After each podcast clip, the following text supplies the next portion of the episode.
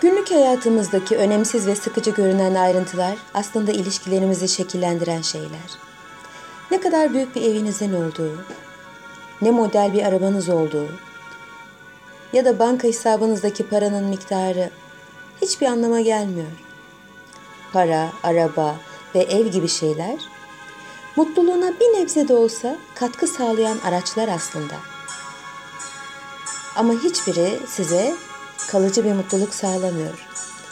Bu nedenle sevdiğiniz insanın hayat arkadaşı olun. Aranızdaki bağı kuvvetlendirmek için birbirinize küçük jestler yapın. Birçoğumuz vazgeçtiğimiz an başarıya ne kadar yakın olduğumuzun farkına bile varmıyoruz. Onları henüz kaybetmeden ellerinden tutun. Aşık olun yeniden. Hayat sadece sevince güzel.